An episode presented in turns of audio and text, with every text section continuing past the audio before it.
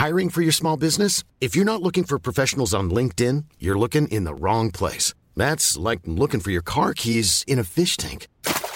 LinkedIn helps you hire professionals you can't find anywhere else, even those who aren't actively searching for a new job but might be open to the perfect role. In a given month, over 70% of LinkedIn users don't even visit other leading job sites. So start looking in the right place. With LinkedIn, you can hire professionals like a professional. Post your free job on linkedin.com slash people today. This is Paige, the co-host of Giggly Squad, and I want to tell you about a company that I've been loving, Olive and June. Olive and June gives you everything that you need for a salon quality manicure in one box. And if you break it down, it really comes out to $2 a manicure, which is absolutely insane. It's also so easy to get salon worthy nails at home with Olive and June. The difference between how your nails used to look when you did them yourself and now with the Manny system is a complete game changer. The best thing about Olive and June too is it's a quick dry. Dries in about one minute, lasts for five days, and full coverage in up to one to two coats. Visit oliveandjune.com slash perfectmanny20 for 20% off your first system. That's oliveandjune.com slash perfectmanny20 for 20% off your first system.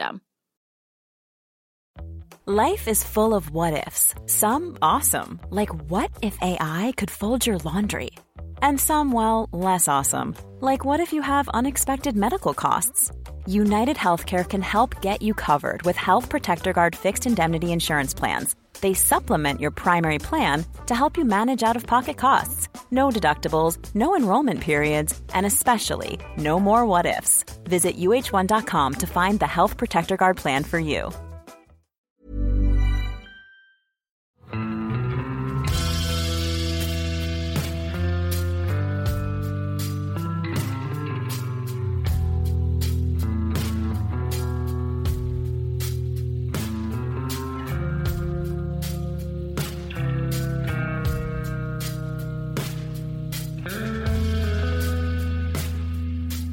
Hei og velkommen til podkasten Uteliv. Mitt navn er Randulf Valle, og i dag så befinner jeg meg vel eh, Sier man på eller i hell, Rune? Jeg bruker å si på hellet.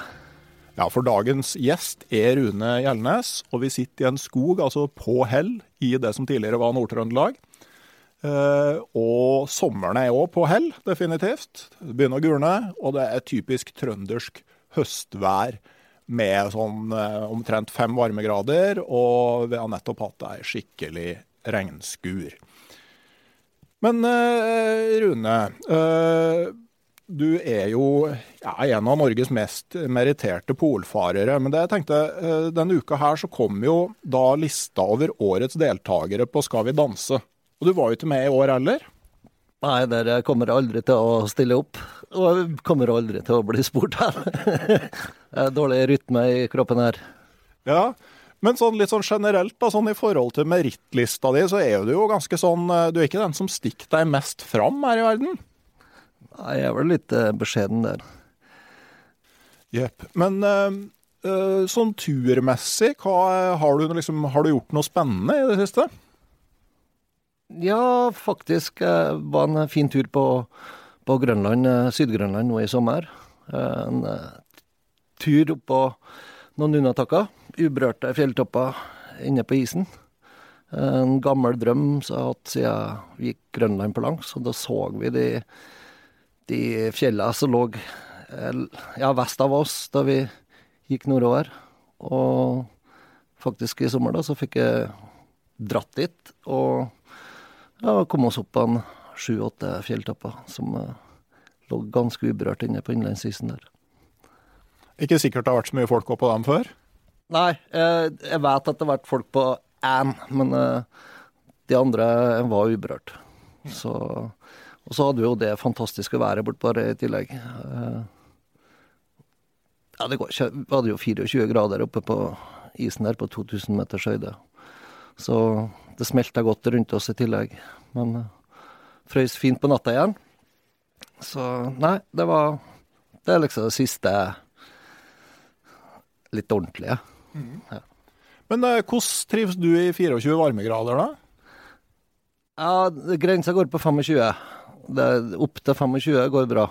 Men skal en over det, så Ja, da trenger du jo tilvenning, da. Det har en jo hatt på noen jungelturer nede i Amazonas. Så det går, det òg. Ja, for sånn Når det gjelder turer for din del, altså ekspedisjoner, så er det jo på en måte enten veldig kaldt eller veldig varmt, har jeg inntrykk av? Ja, det var, jeg liker jo kontraster, da. Så det har mest vært eh, ganske kaldt. Men eh, når det er som kaldest, da, så går det jo å drømme om varme. Og da har det vært naturlig å trekke til varmestrøk etterpå. Så det har vært eh, mest jungel. Lite sydhavsstrender. Jepp. Men eh, vi skal snakke litt om det der med kulde. Men eh, altså, altså, er det noe positivt med det å fryse? Nei. Det, det, fryse det er noe av det verste som finnes. Så så lenge en greier å unngå det, så går det jo ganske bra, uansett om det er minus 40 eller minus 50.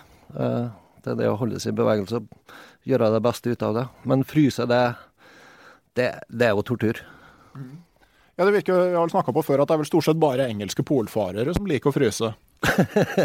Ja, Britene de eh, liker å lide, dem. Så, og som jeg har sagt, da, at eh, britene de, de lider mens eh, vi fryser. Sånn er det, ja. Men uh, hvis vi skal se liksom sånn på, hvis vi snakker om vinter og litt sånn uh, tørr kulde, altså, er det på en måte noe uh, altså, Er det noe sted på gradestokken vi kan trekke ei grense og si at når det passerer det her, så begynner det å, å bli Da begynner det å bli vanskelig? Ja, jeg, altså, jeg har aldri opplevd det kaldere enn eh, minus 55. Eh, eh, det går selvfølgelig an å jobbe når det er kaldere òg, men eh, da er det jo ofte innmari tørt og lite vind. Altså når temperaturen kanskje er litt høyere. Så Men, men sånn for et vanlig friluftsliv, da, altså når slutter det å bli kos, og når begynner det å måte bli eh, Når blir det liksom det eneste fokuset å holde varmen? Nei, jeg, jeg ser ikke noen grense egentlig der. Altså minus 55, det, det fungerte fint det òg.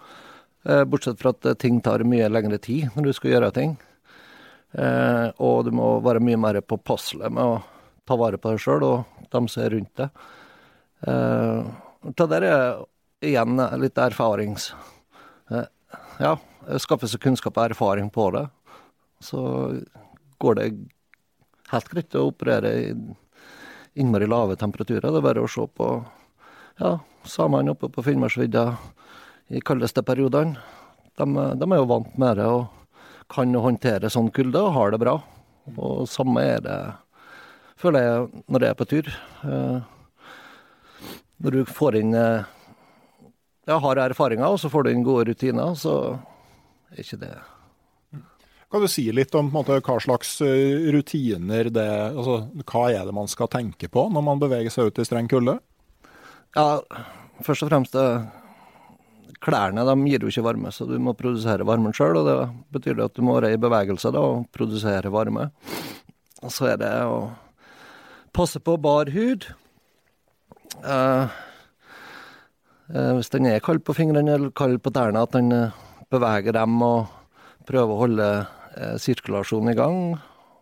Ikke minst kjenne etter om det er det på grensa nå, eller går det her bra. Så det er hele tida å være på vakt når det er så ekstreme forhold. Ja, ja for det er jo litt sånn altså når man kanskje er vant til å være på sommertur eller påsketur, altså det å være på tur når det begynner å bli veldig kaldt, det handler jo mer om å være veldig på vakt eh, hele tida, være bevisst hele tida på hva du gjør. Ja, er, altså en må være på alerten hele tida når det Hvis det er ja, sjøl minus 30 òg, så er jo det lett å få forfrysninger da. Eh, Og en dårlig rutine, så kan du igjen eh, lett Nei, jeg sier ikke at det er lett å få hypotermi, men jeg har vært borti folk som sier at alt er OK, bare går og ser ut som de har det bra, og så halvtime etterpå så oppdager jeg at de har hypotermi. Ja, for Hypotermi det er jo sånn generell nedkjøling, at kroppstemperaturen blir, blir lav. og det, det er jo sånn som kan skje sånn umerkelig over lang, lang tid, egentlig over flere dager. At, eh, at du liksom ikke helt klarer å få opp kroppstemperaturen. Ja, altså Eh, Ja, spesielt det hvis du ikke drikker nok og spiser nok, og ikke greier å produsere varmen sjøl. Og jeg innmari sliten i tillegg, da, så er det lett å dra på seg det der, da. Jeg har aldri Jeg tror, jeg tror ikke jeg har hatt eh, hypotermi sjøl, men det er folk rundt meg som har fått det mens vi har vært ute. Men er det, jeg tenker sånn gruppepsykologi og sånne ting. altså eh, man er jo sånn, Mange er jo bevisst på at altså, du skal ikke syte og klage og eh, sånne ting. altså Det, det er jo eh, det er viktig å sånn, ha et sånn miljø at liksom, du skjønner hva det er greit å si fra om òg. Ja, det er helt klart. eh, Alfen, når jeg er ute med andre folk, så bruker jeg ofte å spørre dem om hvordan det går, og så at de må være dønn ærlige på al- al- Altså ikke lyge om sånne ting. Det gjelder forfrysninger og hypotermin. Men eh, det er det at eh, den hypotermien den kommer sigende slik forsiktig, umerkelig. Og jeg tror det er mange som ikke er klar over det når de går inn i det. Du blir jo litt apatisk. Ja, det er jo skummelt at du på en måte du, du begynner å liksom bli litt sånn likegyldig til det hele òg. Eh, sånn at eh, det sånn sett kanskje er vanskelig å merke sjøl at du er i ferd med å bli hypoterm. Ja, jeg, jeg tror det er i hvert fall sånn jeg opplevde det med dem som har fått det rundt meg. Uh, det er nesten skremmende. Så, uh, for det kommer så kommer sigende innmari forsiktig, men uh, når det først slår til, så sitter du her. Ja, det er noe å være oppmerksom på liksom, eh, hvis man skal begynne å sjekke ut streng kulde sånn på egen hånd. Men eh, det er jo eh, Hender og føtter er jo, er jo veldig, veldig utsatt i kulda. Kroppen vil ta altså prioritere å holde indre organer og sånn varme, og, og trekke blodet tilbake fra, fra hender og, og føtter. Vet du forresten hvor kald overflaten på føttene er når du begynner å fryse? Nei Ti grader? Fem grader? Ja, Du begynner å merke at du er kald når overflatetemperaturen på tærne er 25. Så fort, ja. Og så begynner det begynner det å gjøre vondt ved 15 grader. Eh, og så tiltar smerten veldig fort, og rundt 10 grader så beskriver de fleste smertene som uutholdelige. Og såpass, ja. Ja nei, det var, det var nytt for meg.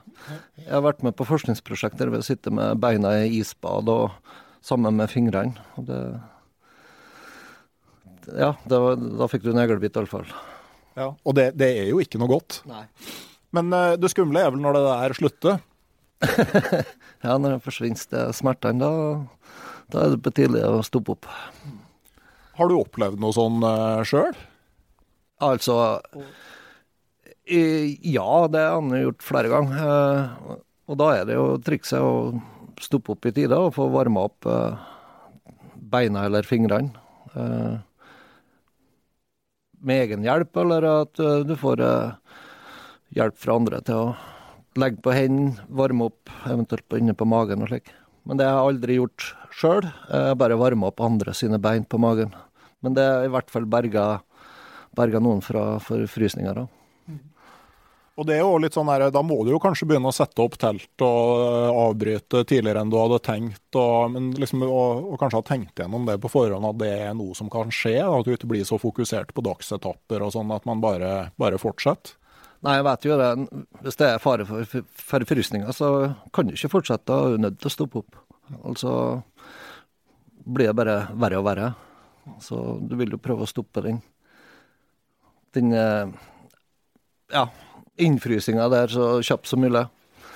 Men det er igjen eh, med det med forfrysninger, der er folk går og går, og tør ikke å si ifra når det begynner å bli for kaldt. Det, det, det, det skjer en hver vinter han er på tur med an, ja, andre. Ja, nei, og Det er jo det der å vite om, du, vite om du har klart å få tilbake varmen i føttene, eller om de faktisk har blitt enda kaldere. Det krever jo sikkert litt erfaring, det òg.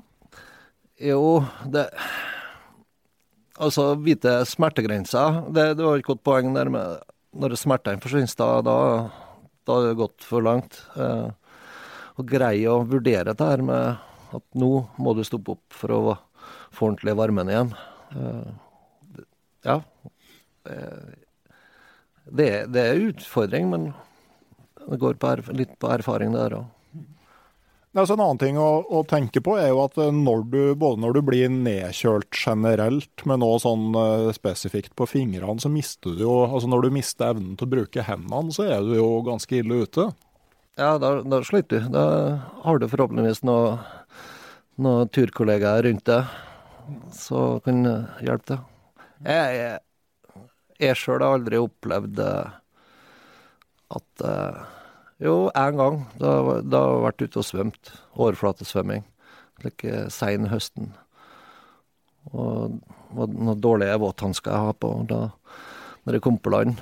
Det var den tida det var telefonkiosker rundt omkring. Jeg kom på land på ferjekaia og skulle ringe hjem eh, og si fra de skulle komme og hente meg.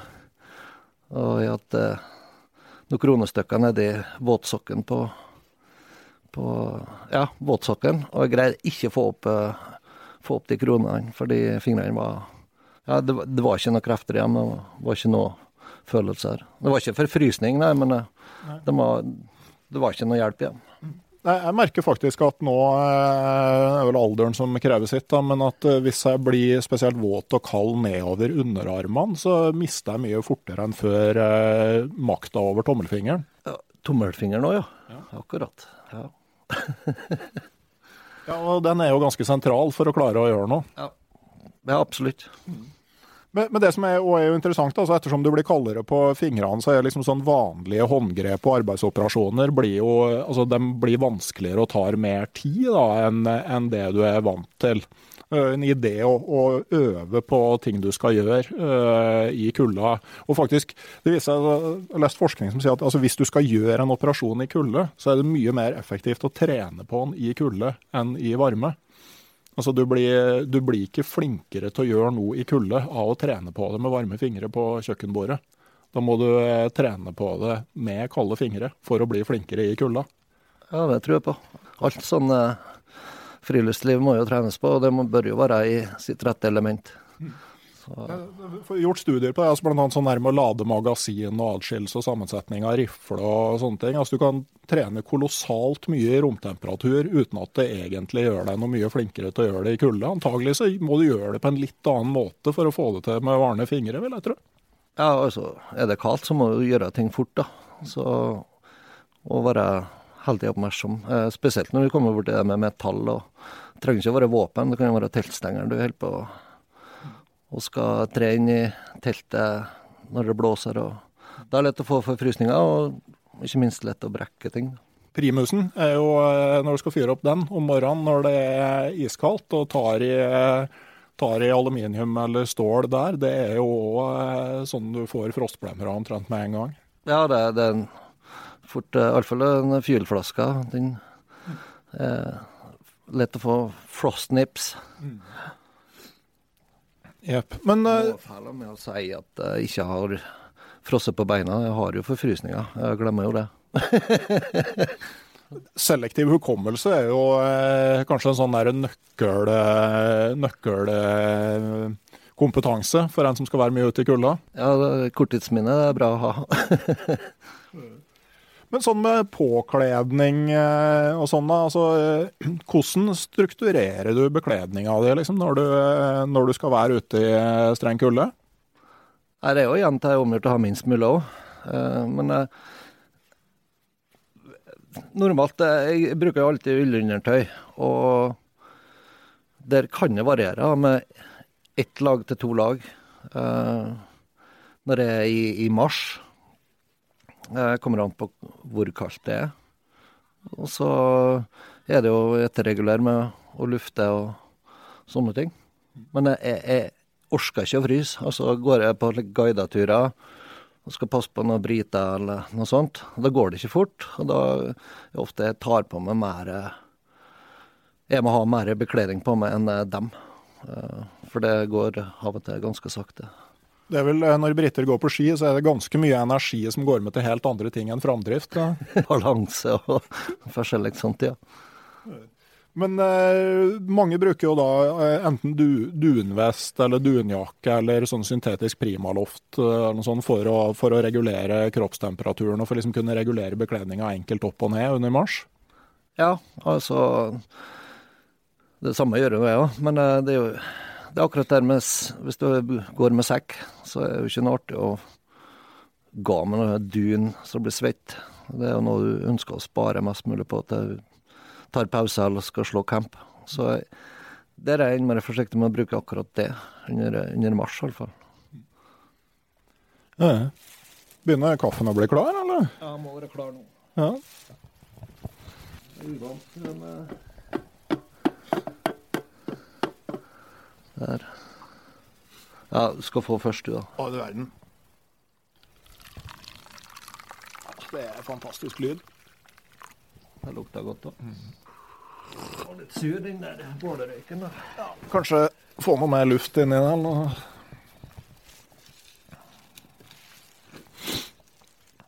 Men Bruker du å ha med deg kaffe når du er på, eh, på ekspedisjon, Rune? Jeg drar ingen plass uten kaffe. Så det eh, Hjemme så går det jo med store mengder kaffe hver dag. Eh, på turene så er jeg litt mer forsiktig. Men jeg faktisk eh, På de første ekspedisjonene jeg var på, så måtte en være innmari forsiktig med kaffen på kvelden og slik iallfall. Så, så kanskje en kopp på kvelden og en kopp på morgenen. Men eh, nå har jeg blitt mer vant, så jeg tåler, tåler mye mer. Men jeg, ja, det, det, det er kosen med å ha kaffe ute der. Altså det, den er viktig etter mat og frokost. Og. Ja, jeg er jo ganske sånn kaffeavhengig. Men jeg husker jeg leste Roald Amundsen. De hadde jo, da de gikk til Sydpolen, så hadde de jo ikke med kaffe. De hadde, jeg tror det var fire ting de hadde i proviant. Det var pemmikan, havrekjeks, tørrmelk og sjokolade. Stemmer det? Ja, stemmer det. Uh, ja, nei, det var ikke noe mer enn det. Nei.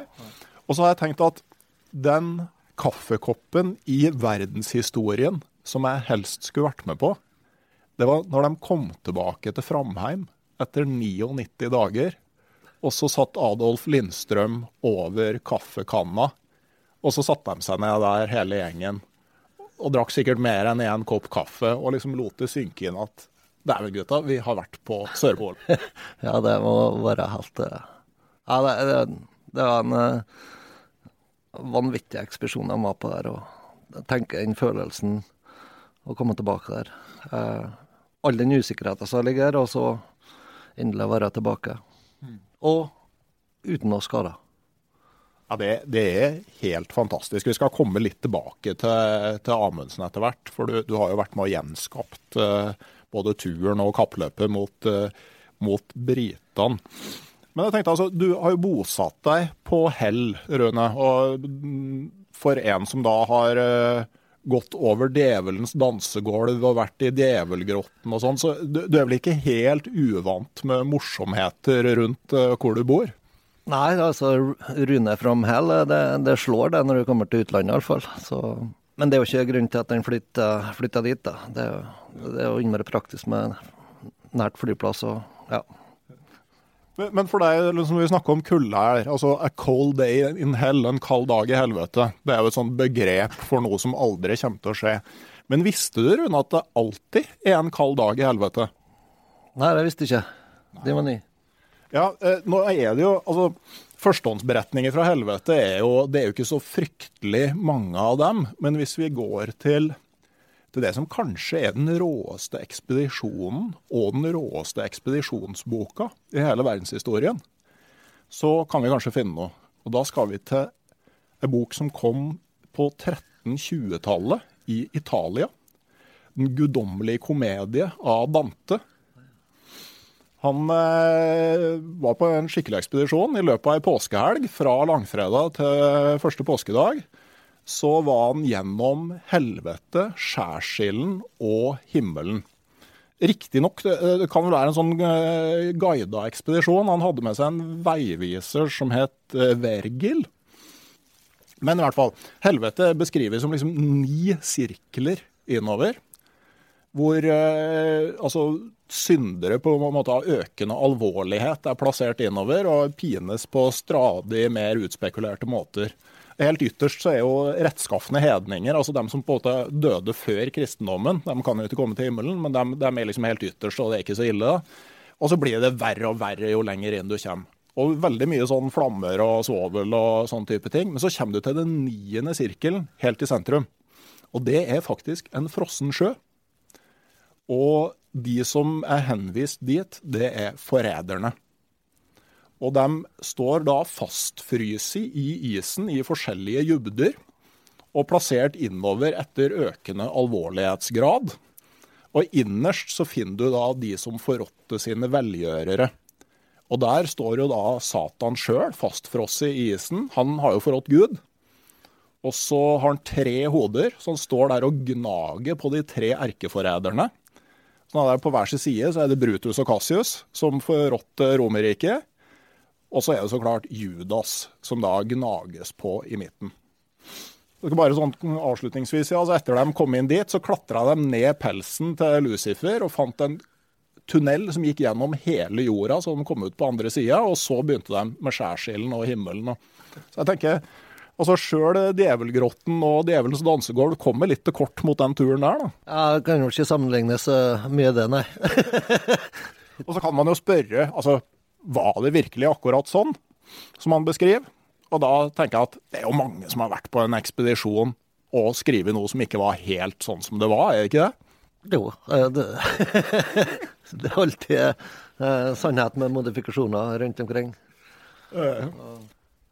Men i hvert fall, det er alltid en kald dag i helvete. Så nå kan du svare det neste gang noen er morsomme med det. Ja, jeg skal, skal bruke den. Det er stort sett uh, utlendingene som brenner for det her helvete. ja. Så jeg kan si, har du ikke lest Dante? jeg har starta, men jeg ga opp. Ja, ok.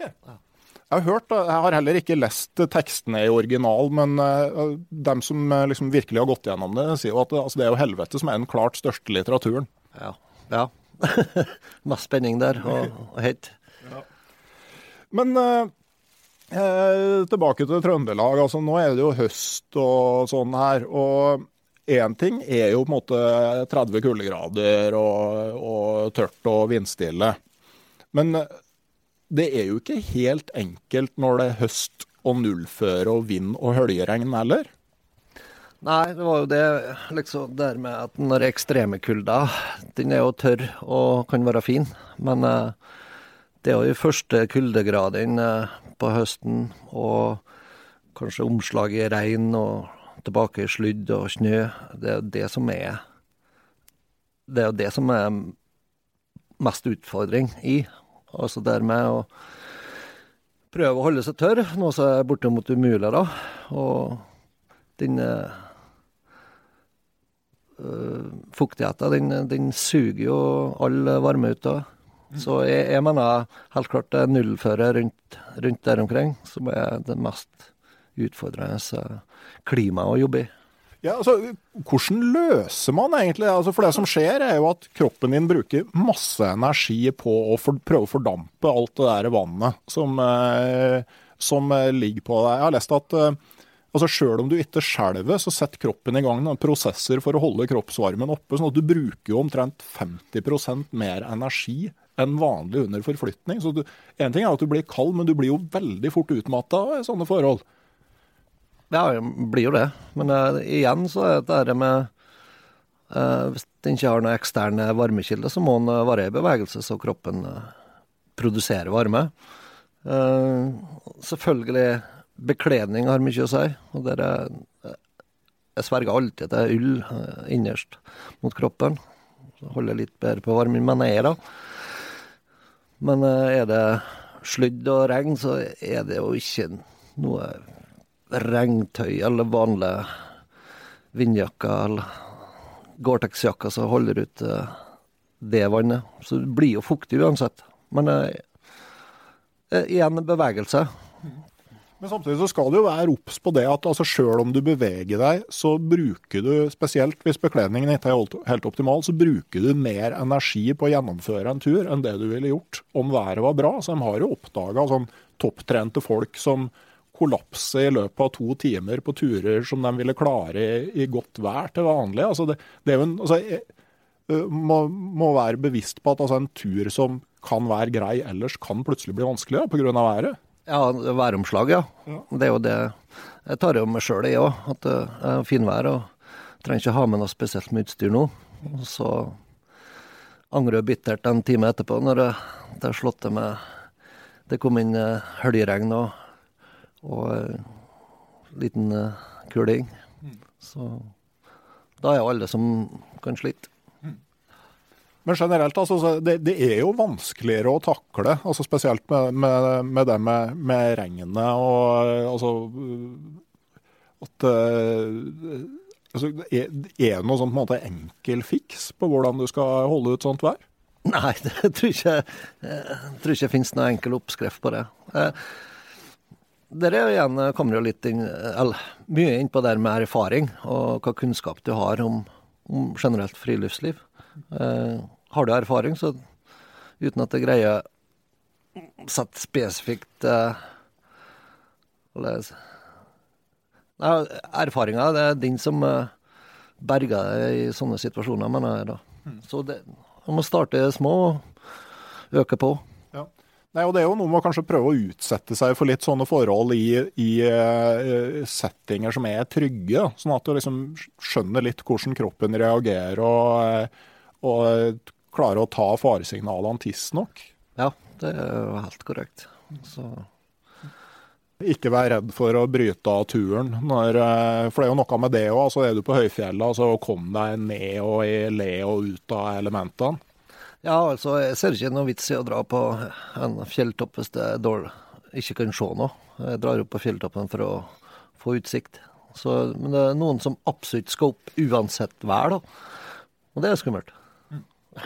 Ja, det er jo kanskje litt sånn i dag at altså, man er vant til å være veldig sånn målfokusert i hele livet. og Det er lett å ta med det inn i friluftslivet òg. Og så er det ganske sånn nådeløse regler som styrer det hele. Ja, og så går det ikke an å trosse været. Det, det, er jo enkelte utøvere som ja, lager serier på Man Against the Nature og det det ble helt feil oppi hodet mitt. og helt feil filosofi. For det, du må spille på lag med, med naturen. Eh, for naturen er det, det er din som rår. Det er du som skal ut der og lære å spille på lag med en. Ja, og jeg tenker det er med på en måte å overvinne naturen. altså Den, den registrerer jo som du får til det du skal, eller om du stryker med. altså For naturen er jo det akkurat det samme. Den er jo ikke overvinnelig sjøl om du klarer å komme deg på et fjell og ned igjen. Nei, Hun står der uansett etterpå. Så nei. Så det er Nei, lære seg, skaffe seg erfaring og i, på gode og dårlige dager ute i ja, Fjellduken er jo eh, en fin ting å ha i sekken da, på, eh, under sånne forhold. Ja, det å komme seg i le, det å komme seg bort fra vinden, det er kanskje noe av det viktigste. Og pluss den tar jo bort uh, Han er jo ganske regntett i tillegg. Ja, altså I tillegg så uh, slutter jo fordampinga. Altså, hvis du er våt, så er jo altså det, Man tenker jo at da må du få på deg tørt. Men det er jo for det første ikke alltid så Det er ikke alltid du har noe tørt. Og for det andre, hvis det høljregner, så blir jo det tørre vått med en gang. Når du kryper i fjellduken, så blir jo den metta av vanndamp, og så slutter det å dampe fra kroppen din. Og så er det jo fordampingsvarmen som eh, stjeler energi. sånn at det er jo en, en måte å, å stoppe varmetapet uten å skifte til tørt, faktisk. Så dem som, Noen som har lurt på hvorfor man ikke lager fjellduker i pustende materiale. og Det, det vil jo ikke være noen sånn veldig god idé. Nei, det det samme som å lage dampsperreposer til soveposene med pusteinsmateriale. Da er liksom hele vitsen bort. Så, men det er innmari effektivt akkurat inn, da. Mm. Men men med, med sånn med, med å ha det vått og kaldt og sånne ting. Så du gjorde jo en sånn gjenskapning av et av de store norske krigsdramaene. Jan Baalsruds 'Flukt'. Eh, og det var vått og kaldt. Men du kan jo begynne å fortelle litt om hvem Jan Baalsrud var? Nei, det var jo en uh, linjegjeng som skulle opp til Tromsø. Uh, fem, fem linjesoldater. Uh, på en fiskebåt. Eh, de havna i bakhold av tyskeren oppe på Rebbenesøy eh, nord for Tromsø. Og alle ble jo drept, bortsett fra Jan Bolsrud. Og han satte jo i gang ei flukt som eh, Ja, er blitt verdenskjent. Og han greide å overleve, da. Eh, uten at det skal være mulig. Altså, første boka som kom ut av filmen, ble jo kalt for Ni liv. Og det Han måtte ha hatt mer enn ni liv. Ja, for noe av det første som skjer, er jo at altså, de må svømme i land, ikke sant? Og så krysse ei øy og svømme over et sund. Ja, altså De sprengte jo den fiskebåten i lufta, og i den eksplosjonen så endte de med i vannet. Så de fikk jo en god svømmetur i starten der, 100 meter. Der er jo i mars måned, så det er ikke særlig varmt. Og så tar Jan Bålsrud seg over øyene, fire-fem kilometer, for han så igjen. Hoppa ut i vannet og svømmer en par hundre meter til. Så vi prøvde jo å rekonstruere dette her, men jeg har aldri kommet til å gjort det der uten å ha hatt en sikringsbåt ved sida av. Jo, men med, med liksom en uh, tysk søkepatrulje i hælene, altså, og bli liggende en visse død og, altså, du, Tror du ikke den situasjonen at du hadde prøvd, heller enn å bli tatt? Ja, altså, jeg vært i din situasjon, så har han nok uh, gjort det. Men uh, så igjen Nei, det, det, går, det, er umulig å rekonstruere dette her til punkt og prikke. For det, det var en helt annen situasjon. Når du har fienden rett bak deg, så da, da, da, gjør du kanskje ting du nesten ikke tror uh, var mulig etterpå. Men da, men da hadde dere altså først, uh, først, svømt i land og var gjennomvåte, og så når dere gjorde det her på nytt, og så gikk dere over ei øy. Og da, da er du ikke god og varm når du skal ut i vannet på andre sida? Nei, men det, det, var jo bra med å få sånn fem kilometers fjelltur da, etter den svømmeturen. For du er helt stiv når du kommer i land. Og så ja, på løpet av den turen over fjellet så var vel det brukbare varm igjen, sjøl om vadmelsklærne var jo klissvåte til vann. Ja. Så vi ble jo stående og vente litt ut på en liten holme der òg. Eh, Bålsrud sjøl eh, har jo sagt at den sto her i to timer, og jeg kan ikke ja, det, det, det, Alt er så uvirkelig i den historien. For det, når du står i ro, da, så blir du fort kald igjen. Og så Det er noe av det det har minst lyst til, å legge ut på svøm der igjen, på nytt. Og da ble det jo en svømmetur på en tolv minutter. Og jeg, jeg, trodde ikke det skulle gå, men faktisk så kom vi oss jo akkurat i land igjen. Hadde dere noen, sånn, måte, noen sånne uh, indikasjoner fra sånn, noen som har sagt noe om altså, hvor, hvor lang tid kan man oppholde seg i sånn vann? Ja, altså, det er en gammel dykkerlege som jeg kjenner. og han, de, han har jo holdt på å forske på det her med hypotermi og hvor lenge folk kan overleve i, i, i kaldt vann. Og hvilken bekledning som er best å ha eh, når du først havner i en sånn situasjon. Eh, helt klart best med ullstillongs, eh, har han sagt iallfall. Eh, men 15 eh, minutter, eh, da du, skal du begynne å være ganske bevisstløs. Men igjen så er det også innmari store forskjellige personlige preferanser og egenskaper. Det er jo greit å ha litt flask på kroppen, slik jeg ser. Det hjelper jo på. Og, og, så er det hva bekledningene har på. Uh, Men uh, hvordan, uh, hvis du kan beskrive altså, Hvordan var liksom, utviklinga på det du kjente i løpet av den 200 eh, meters eller 12 minutts svømmeturen? Ja, altså Det som var annerledes på siste svømmeturen, var at du fikk ikke det eh, kuldesjokket når du gikk i vannet. Når du, du hoppa direkte i isvann, så får du jo en slik eh, holder på å låse seg pusten din. da. Du får litt panikk og snapper etter pusten, og så går det over. Og det er jo smertefullt akkurat det i starten der. Altså rett fysisk smerte i at det er så kaldt. Så roer jeg seg alt sammen. Smertene går over.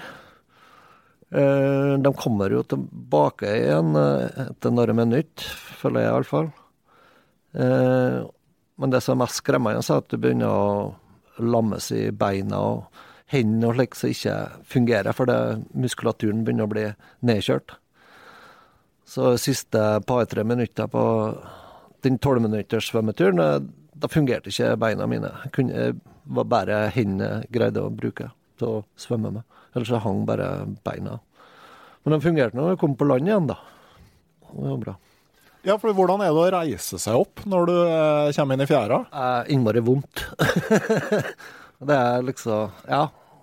Det er akkurat som du er forslått eh, knærne og slik. Ledda er forslått. Så Men det Igjen, da. Det eneste vi kan gjøre, er jo Da må du rask bevegelse. Eller kom det i bevegelse, så vi begynner å produsere varme igjen. Eh, men eh, måtte bevege oss litt forsiktig i starten her, da. Med tanke på ja, ledda. Eh, ledda som var problemet når du kom på land igjen. Ja, hvor lenge gikk det da før dere fikk måtte, varma dere noe eh, ordentlig? Nei, vi Da gikk det, skal vi se en, Ja, vi brukte den sikkert en par timer. så For vi kom jo til det huset så Bålsrud kom, kom til òg. Eh, første kontakt med sivilbefolkninga. Men vi måtte jo fyre opp, da. Det var, det var, det var ikke noe fyr i det huset. Så det tok litt tid. Og da Ja, det er vel det den gangen jeg, jeg sa jo i starten her nå at jeg ikke har hatt uh, hypotermi, men jeg har vel det da. Det høres veldig ut som uh, ting jeg har lest om hypotermi, det der. Og, og det, det, er ikke helt smertefritt å begynne å sette seg foran ovnen når du har vært gjennom det her? Ja, du er jo egentlig godt humør da når du først kommer deg inn, men ja, det, du, du skjelver jo. Du rister jo skjelver flere timer etterpå, da. Så og igjen, eh, du blir innmari nummen, altså innmari svak i, i, i, klypa. Så Og lite kontroll på bevegelser. Var dere liksom i, i form igjen dagen etter, eller kunne du merke at kroppen hadde vært i kjelleren? Nei, eh, dagen etterpå så var vi nok eh, ganske fin, bortsett fra at klærne var jo våte fremdeles. Så vi fikk jo ikke vi fikk ikke skylt eh, klærne i noe ferskvann heller, så det var jo saltvann i de vadmelsklærne. Vi vrei, vrei, fikk vridd dem opp ordentlig, og så var det å fortsette. Men igjen, altså ull, ja, vadmelsklærne Selv om de var våte, så var det varme der, altså. Men det der med å gjenskape sånne historiske ting, altså vi var så vidt innom Roald Amundsen. Uh, du uh, du var med på en måte en, på en gjenskaping av kappløpet mellom Scott og Amundsen. Norsk og en britisk gruppe som liksom skulle ta de respektives posisjon. Og så dro dere til Grønland for å ha kappløp med tidsriktig utstyr. Eh, jeg har etterretning på at eh, folk har aldri sett deg så stressa og nervøs noen gang som før den turen der. Jeg har aldri kjørt hund før jeg dro dit.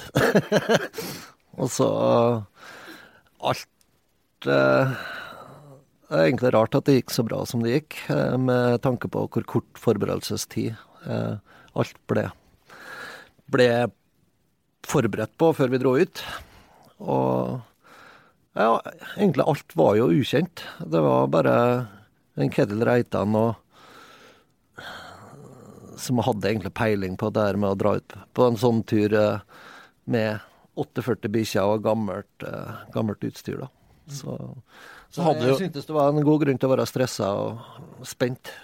Og så var det jo et visst ansvar på skuldrene deres òg. Jeg tenker liksom eh, Se for deg avisoverskriften 'Scott slo Amundsen ned i støvlene'. Det hadde vært tungt å ha på samvittigheten det. Ja, vi var jo Hovedmålet var jo at vi måtte slå de briterne. Ellers så kunne vi ikke dra tilbake til Norge.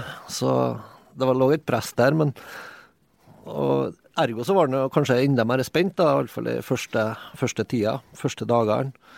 Eh, helt til vi så at etter ei uke, ti dager, så var vi faktisk kommet inn i innmari gode, fine rutiner. og Utstyret fungerte overraskende bra, og begynte å få litt styr på bikkjene. For det var jo De første tre-fire dagene var jo et evig kaos fra morgen til kveld. Men sånn med, med, utstyret, kan du si. Altså, eh, hva er hovedforskjellen på dagens utstyr og det som Amundsen brukte? Eh, Amundsen de, de hadde jo det beste av det beste eh, på den eh, tida der. Eh, og det utstyret, eller den bekledninga, fungerer innmari bra en dag i dag, den. Men det, det er mye tyngre bekledning, det er mye tyngre utstyr. Eh, og ting tar lengre tid med, med det her, eh, gamle utstyret. Spesielt navigasjon, da, med, der i dag du tar fram GPS-en og har du posisjonen i løpet av ja, noen få sekunder. Og på, eh, under den ekspedisjonen der så brukte en av oss kanskje fem timer hver dag bare på å finne en slik cirka posisjon. Men der òg har jeg lest at Amundsen var veldig langt framme på at han lagde noe sånn tabelloppsett for utregning av posisjoner. Sånn at det var veldig enkelt altså, å gjøre de beregningene. Så det, blant annet, de, de brukte mye mindre tid enn Scott på å regne ut posisjonen. Ja, de hadde jo forskjellige måleinstrumenter. Eh, Scott hadde noe som heter teodolitt, og Amundsen brukte sekstant. Så men eh, når det gjelder det her med utregninger, så var altså de karene her, de var jo navigatører hele gjengen. Altså sjøfolk. Så eh, i forhold til Harald og meg, da, så var på et trashkurs på Sjøkrigsskolen noen uker før vi dro. Så vi hadde ikke særlig mye erfaring på akkurat der. Første ordentlige målingene ble jo gjort oppe på isen der, og utregningene. Ja. Så ære være Harald for uh, god navigasjon. Så det var vel Stein-P òg som eh, fant ut det der da de tok uh, kryssa Grønland med samme utstyret som Nansen. Han har en sånn fantastisk passasje om det i boka, hvor de liksom har ligget og regna skikkelig lenge, og så finner de ut at de er tre mil vest for Ekofisk. ja, det er lett å gjøre feil på rene utregningene der, altså. Ja. Så det så fant de ut at egentlig for retninga til, til, motsatt side av Grønland, så hadde det ikke så veldig mye å si om de var der de trodde de var, eller på Ekofisk. Da. Så de fortsatte helt til han eh, som satt og regna, endelig fant ut hvor feilen lå. Da. Så han, jeg tror han skriver noe sånn som at vi skjønte ikke så mye om hva han mente, men vi var alle glad for å komme oss bort fra Ekofisk. ja. Nei, det, eh, nei, navigasjon, det var for oss da i hvert fall en stor utfordring i starten der. Men det virker som Amundsen var utrolig bevisst på det her med utstyret. altså Når du leser om eh, det her nitide altså sånn Hvor mye de jobba med skistøvlene. at de, Når de fant ut at forholdene i Antarktis ikke var på langt nær så ille som det folk som hadde vært der før hadde skrevet. De høvla ned sledene med ganske mange kilo i løpet av vinteren. Altså, de jobba veldig intensivt med utstyret. Det var et vanvittig bra team som dro ned, altså med forskjellige eh, kunnskaper og evner. Og der skal Amundsen ha skryt for å velge ut et så bra team. Altså. Han var jo helt avhengig av at de andre gjorde jobben, eh, egentlig. Eh, og nei, genialt team som gjorde en fantastisk jobb. Eh, og innovative og ja, trauste, flinke karer. Gode på å lære av det som hadde gått gærent tidligere, har jeg inntrykk av. Altså sånn med depotmerking og rutemerking, og som liksom eh, Shackleton hadde slitt fryktelig med, og Scott gjorde det på omtrent samme måte. Men Amundsen fant ut at her må vi liksom gjøre ting utrolig mye mer grundig. Ja, han brukte jo Var flinke til å få ut depoteren, og så langt inn som overhodet mulig. Og tok seg ordentlig tid til å merke dem. Altså, han dro jo da 18, satt ut slik flagge, flaggegard gard en 18, tror jeg 18 km ut til hver side av depotet, som ikke nesten skulle være mulig å miste depotene. Der, der, ja, det berga dem. Ja, for Jeg har litt sånn inntrykk av at når jeg leste beskrivelsen av den serien, er at fra britisk side så så det litt ut som et sånn forsøk på å reinvaske Scott. At liksom, ja, hvis han ikke hadde hatt så uflaks, så kunne det her gått helt annerledes. Men hva britene fant ut med, uh, på den, uh, det prosjektet her? Altså, ideen kom jo fra noen meteorologer om at uh, hvis Scott hadde gjort, hatt samme været som Amundsen og gjort sånn og sånn, altså etterpåklokskap, så ville han slått uh, Amundsen. Og det, det liksom blir jo helt feil. Men det er bra for oss, for de uh, brukte vanvittig mye penger på å få, få ordna denne ekspedisjonen her, og prøve å motbevise det. Og det var Jeg skal ikke si det var enkelt uh, å slå Det var ikke enkelt for oss uh, å gjøre turen, men uh, det var enkelt å slå dem, da. Ja, for dere hadde et mye bedre utgangspunkt? Altså, vi hadde 48 bikkjer, og de hadde 25. og vi fokuserte innmari på å ha ja, ordentlige ekspedisjonsfolk på teamet. Uh, produksjonsselskapet holdt jo på å prøve å sparke noen av folka, fordi jeg vet ikke, de ville ha inn litt mer konflikt i teamet vårt. Det greide de med britene. Det var utrolig mange på det britiske teamet som ikke burde vært med på den turen i hele tatt. Uh, og så Vi hadde innmari flinke folk på, på det med hund.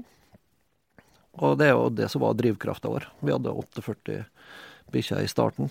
Og det, det, er jo det som er motoren i hele ekspedisjonen. Det er jo klart det er sånn med Amundsen òg, med de årene med erfaring fra Nord-Canada, med at han liksom overvintra der i flere år under Nordøstpassasjeturen, som jo kunne vært egentlig gjort på, eh, på en drøy, liksom med ei overvintring. Så det er klart, du, du, får ikke sånn erfaring gjennom å være slagskipskaptein? Nei. Nei, altså uten den der eh, Nordvestpassasjen, så tror jeg Amundsen og teamet også har slitt nede i Antarktis. Jeg tror han, han var innmari flink til å tilegne seg erfaring og kunnskap. da. Og ja, var innovativ og se muligheter. Ja, der også er jo kanskje litt sånn, Hvis du sammenligner med britene, var jo òg veldig mye oppe i Nordvestpassasjen. Men altså, de hadde jo virka som de altså, Det å, å, virkelig ta inn over seg den voldsomme kunnskapen som inuittene faktisk hadde. Altså at uh, Amundsen så det på en helt annen måte, at her finnes det reell kunnskap å hente for oss. Ja, det er ikke noe tvil om. Altså De fleste britiske ekspedisjoner oppi her, de, de, døde jo. Så uh, Amundsen overlevde det der òg. Men uh, så kommer det litt Nå sier ikke alle britene men altså Scott var ekstremt arrogant, og det, det tror jeg det som ødela det meste på for det britiske ekspedisjonen der. Ja, for det virker som altså, de visste liksom altså, altså utstyr som ikke fungerte på prøveturene, blei like fullt tatt med sørover uten at de egentlig gjorde det med. Altså Nordmennene fant ut at teltløsninga ikke virka som de hadde tenkt, og så bruker de vinteren på å sy om og finne en ny løsning. Men, men, at, eh, at uh, britene hadde en helt annen tilnærming der. Ja, det er jo lederskapen til Scott som kan til alt det der. Og ingen som torde å si imot han. Uh, så jeg gir all skylda på Scott for at det gikk så ble så tragisk. Og det er bare et eksempel. da, at han, uh, Scott hadde jo en, en eller to utrolig flinke hundeførere. Skikkelig erfarne. Uh, og de, de, gjorde det for bra for Scott, så han, de fikk ikke lov. Han sendte dem tilbake, da, for det Jeg husker ikke helt hvordan det er, men iallfall De gjorde det så bra at det, det der ble, viste at Scott hadde gjort dårlig planlegging. Ergo så sendte han dem ut, egentlig. Nei, og det er jo det der, altså, du kan liksom, vær og forhold og Det kan ikke ha vært så forskjellige forhold i, på to såpass nærliggende altså Det er ikke så langt unna hverandre, i hvert fall ikke når du begynner å nærme deg Polen. Og så tenker jeg eh, altså, Du ser så mange sånne enkeltting som de kunne gjort annerledes. Sånn som han stakkaren som ble kommandert som femte mann på Polpartiet og måtte gå uten ski i nesten 700 km. Og så at de, eh, at de tar den der avkroken på en hel dag for å hente noe stein, og drar med seg 20 kilo stein på tilbaketuren. Du ser litt, Det er så mange sånne ting som omtrent hver for seg kunne redda dem hvis de hadde gjort det litt annerledes. Ja, men igjen, det er Scott sitt lederskap, det der. Så, Eh, og det med at de plutselig tar med femtemann og har bare fire par ski, det, liksom, det, det henger jo ikke på greip i det hele tatt. Du kan ikke forstå det. Men jeg har tenkt på, altså, når du gjenskaper ting, og når du drar på langtur i dag En ting du du aldri kan gjenskape, er måte, den usikkerheten som de hadde. Altså Sånn som Amundsen som kommer til Antarktis. Og Han har liksom trukket en strek fra Hvalbukta til Sørpolen, og han vet ikke hva det er som er imellom der. Han vet ikke om det er en farbar vei opp på polplatået. Altså, hva, hva en sånn usikkerhet liksom innebærer? Nei, det er, vanskelig å skru seg tilbake til den tida der, da. Altså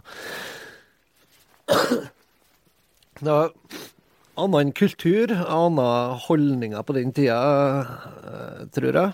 Eh, men eh, han tok jo et voldsomt risiko da, med å bare dra inn mot transantarktiske fjellkjeder ikke fjerne peiling på hvor han skulle opp, og om det var vei som gikk opp der.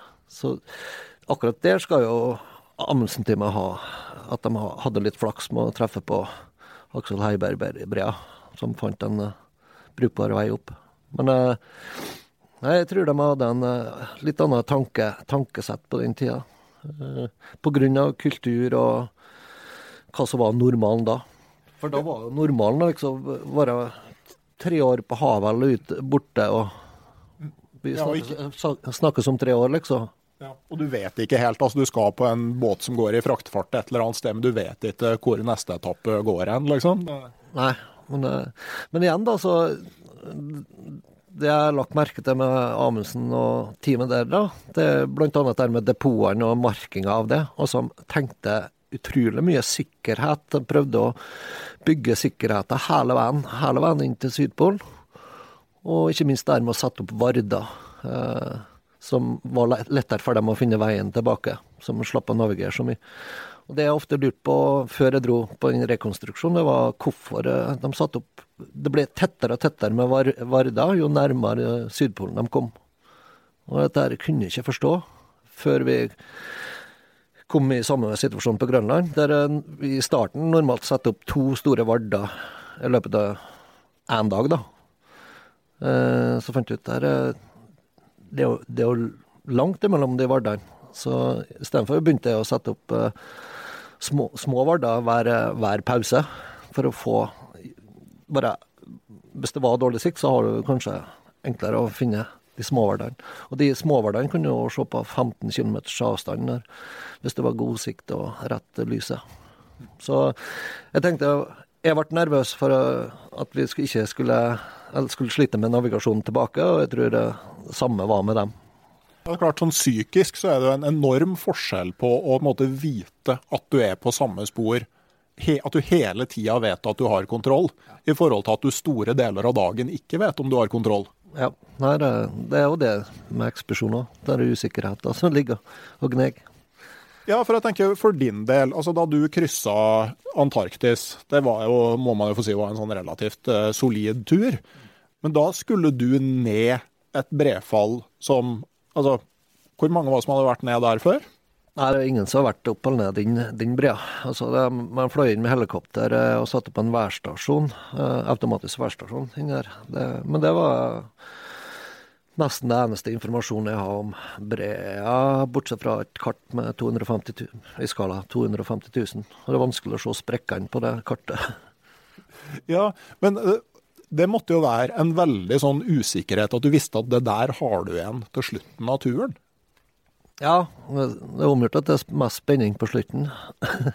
Nei, men jeg, jeg, var Ja, det er kanskje den verste, verste perioden jeg har vært borti på ekspedisjon. Jeg var i Brefall der. Med, med, tanke på at eh, alt var så usikkert da, og det var utrolig store sprekkområder.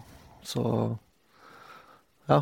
Men én ting når du er der, men hvordan preger det på en måte når du er på turen og kommer stadig nærmere der? altså Klarer du å stenge det ute til du er der, eller er det sånn som ligger og romsterer i bakhodet underveis? Nei, først må du komme dit, da. Så det, tenk, prøver ikke å tenke for mye på dine avslutninga underveis. For det fremdeles underveis er jo masse så usikkert, og ja, og må fokusere på der og da. Og løse utfordringene den dagen der. Så tar det For du tar smellen når den kommer, Og det var jo Prisley-brea. Den var jo eh, Det var ikke så mye smil nedover den brea, for å si det slik. Nei, hva, Du har vel beskrevet det som et par dager med dødsangst? Nei, i hvert fall fem dager med Men det er liksom konstant da, hele dagene. For det er usikkerhet og frykt og angst og slike, Hvis en gjør ei feilvurdering på ei snøbru, så er en jo død. Så det Nei, jeg vil ikke gjenta den. Det, det, det kommer ikke på lista over turer vi anbefaler. Fornøyelsesturen i Priestley Breen, Breen, det kommer langt ned på lista. Ja, det er jo utrolig vakker bre, da. Så naturen er jo innmari vakker. Det- Ja, men Ser du det underveis, eller ser du det når du kommer ned og titter opp igjen? Nei, for meg så greide jeg ikke å nyte liksom den utsikten. Eller av og til så gjorde jeg, men det, det noe, det lå mye mer på det med frykten og liksom at den skulle komme seg ned i livet. Men det er rart, eh, du hjernevaska jo litt sjøl på slutten der, da. Og så på et eller annet vis så pusha det og pusha, og ettertid så føler jeg det var innmari urettferdig. I forhold til dem som er hjemme og slik. For du tar for stor risiko. Ja, for det er jo nå Når du er der så lenge som fem dager, så merker du at liksom risikotoleransen tøyer seg i løpet av de dagene. At du gjør ting på slutten som du aldri hadde gjort på dag nummer én. Ja, det, altså i starten Nå brukte jeg tolv dager ned den brea. Uh, I starten var jo ikke Det var mye sprekker i starten òg, men uh, det var når vi kom eh, lengre ned i, i brefallet at det virkelig balla på seg, da. Og det ble ordentlig. Så det Litt, litt eh, Ja, han blir kanskje litt mer tolerant eh, etter hvert som han kommer nedover der.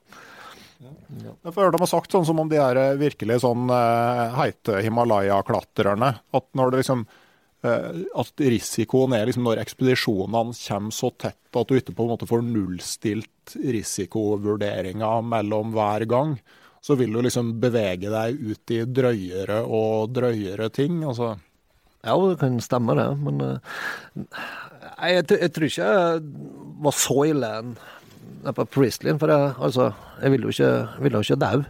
Så det Hele tida så holdt han Prøvde han å ja, ta en eh, fornuftige rutevalg og ikke noe shortcuts akkurat der, da. Så han gikk jo mye si- inn med de store sikksakk-ruta ned.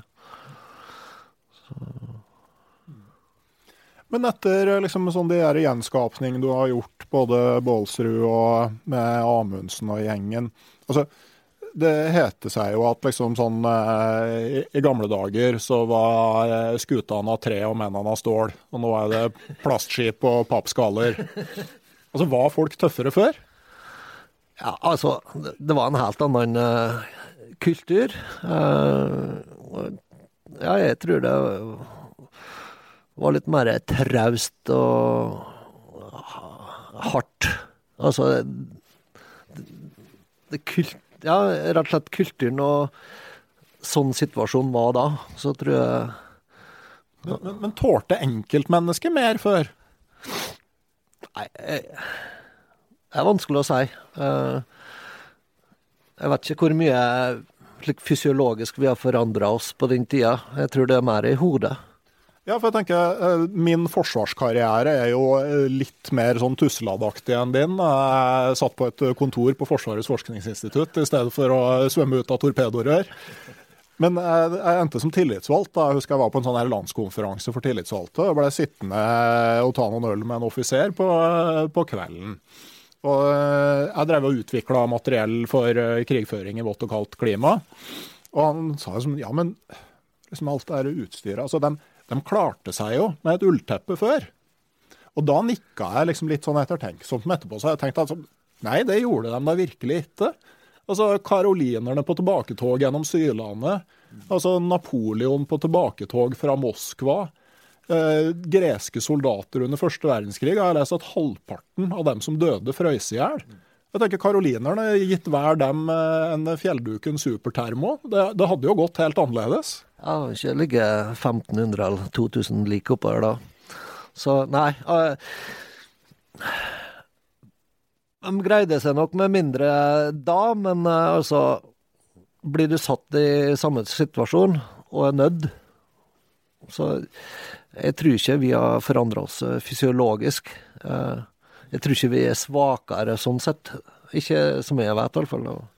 Så, så er det litt sånn på en måte, det er jo litt forskjeller. Jeg tenker altså, De hadde jo en Bare tenk på dem som eh, unndro seg evakueringa i Finnmark. altså De hadde jo en praktisk kunnskap om å leve av landet som vi ikke i hvert fall ikke på langt nær alle har i dag. Det var mye mer utbredt å vite hvordan du skulle gjøre det. Men samtidig så altså, et menneske i dag har jo Altså, vi vet jo ting som dem ikke vet. Altså sånn med næringsstoffer, altså sånn altså C-vitamin f.eks. Altså Gamle ishavsskippere som trodde at mangel på fysisk aktivitet var årsak til skjørbuk. og begynte å, liksom, Når de kom på land, så begynte de å få skjørbuksjuke til å springe og bære stein opp og ned i fjæra. Altså, Det er jo en del sånne ting som vi har fordel av i dag. Ja, og det går jo på kunnskap igjen, da. Så det er ikke noe tvil om. Men uh, jeg ville heller hatt uh, kunnskapen uh, ute i skog og mark, som enkelte har for 100 år siden. Altså hva de kunne bruke Ja, alt de kunne finne ute i skog og, skog og mark, og hva, hvordan de kunne lage ting av, av ei bjørk eller ei furu. Du sa vel at svenneprøva for en ishavsmaskinist, det var å lage et lommeur av en bjørnskitt? Såpass, ja. ja. Da, da, da blir du satt på manneprøve, ja. ja. Men det som vel viser seg, er lest av det, at du, du, akklimatiserer jo til forholdene i ganske stor grad. Jeg leste en sånn studie som er gjort på en god del finske forskere som var 55 dager i Antarktis og jobba ganske mye barhendt. Og de hadde bedre kuldetoleranse når de kom hjem, enn da de dro. De hadde høyere hudtemperatur under samme forhold, og de kunne være i samme forhold lengre før de begynte å skjelve, enn før de dro. Ja, det tror jeg på. Altså, eh, altså kroppen er jo vanvittig flink til å tilpasse seg eh, forskjellige forhold. Eh, og ikke minst det, altså, hodet vårt òg. Vi er tilpasningsdyktige. og er i et miljø, så blir du vant med det over tid. Og så og igjen gjentar det her med første kuldegradene på høsten. De er ofte mye kaldere enn minus 20 senere på, på vinteren. Litt å snakke om, Nå sitter vi her i fem varmegrader, og det er litt sånn hustrig, for nå er det september. Og så får du fem varmegrader i slutten av mars, på slutten av vinteren. Og det å legge seg ut i lyngen da, det er jo fantastisk. Ja, Shortsvær da. Vi begynner å nærme oss en slutt her, Rune. Men uh, har, du noe, har, du noe, nytt morsomt du skal i gang med, som du har lyst til å fortelle oss om? Nei, Det er alltid noe som er på gang, men uh, jeg har ikke lyst til å prate om det. det blir skikkelig, skikkelig god radio. Nei da. I første omgang så er det vel noen guideturer. Så litt uh, Nordpol og Grønland igjen. Ja.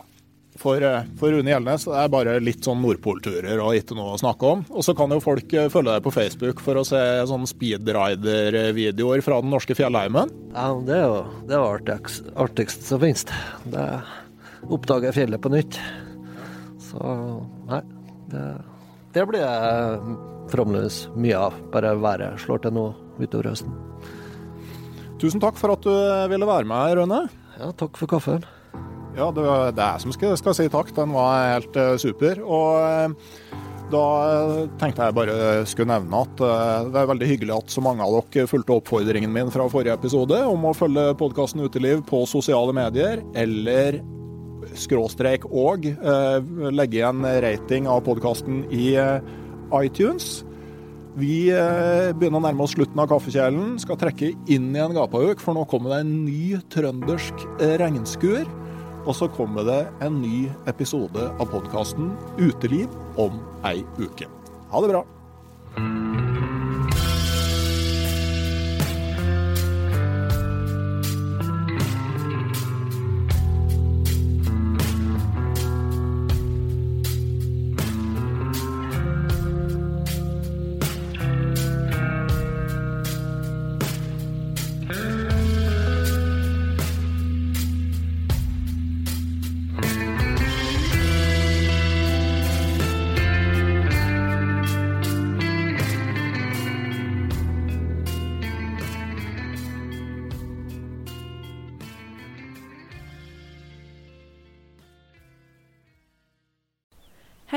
Jeg heter Nore Helligsen og er daglig leder i Barents Outdoor. Det beste vi kan gjøre for planeten, er å redusere forbruket vårt og få mer ut av det utstyret vi allerede har. Men vi vet av erfaring at bruken av telt kan endre seg over tid. Det teltet du kjøpte for to år siden, passer kanskje ikke det behovet du har i dag. Derfor har vi i Barents etablert en egen panteordning der vi tar imot brukte telt av god kvalitet i innbytte når du kjøper et nytt av oss. Prosessen er enkel. På barentsoutdoor.no gir du oss informasjon om teltet du vil bytte inn. Basert på det får du et tilbud fra oss som gir deg rabatt på ditt neste Barentsprodukt. Mer info og betingelser finner du på barentsoutdoor.no. Og husk at den første reparasjonen på produkter fra Barents er alltid gratis.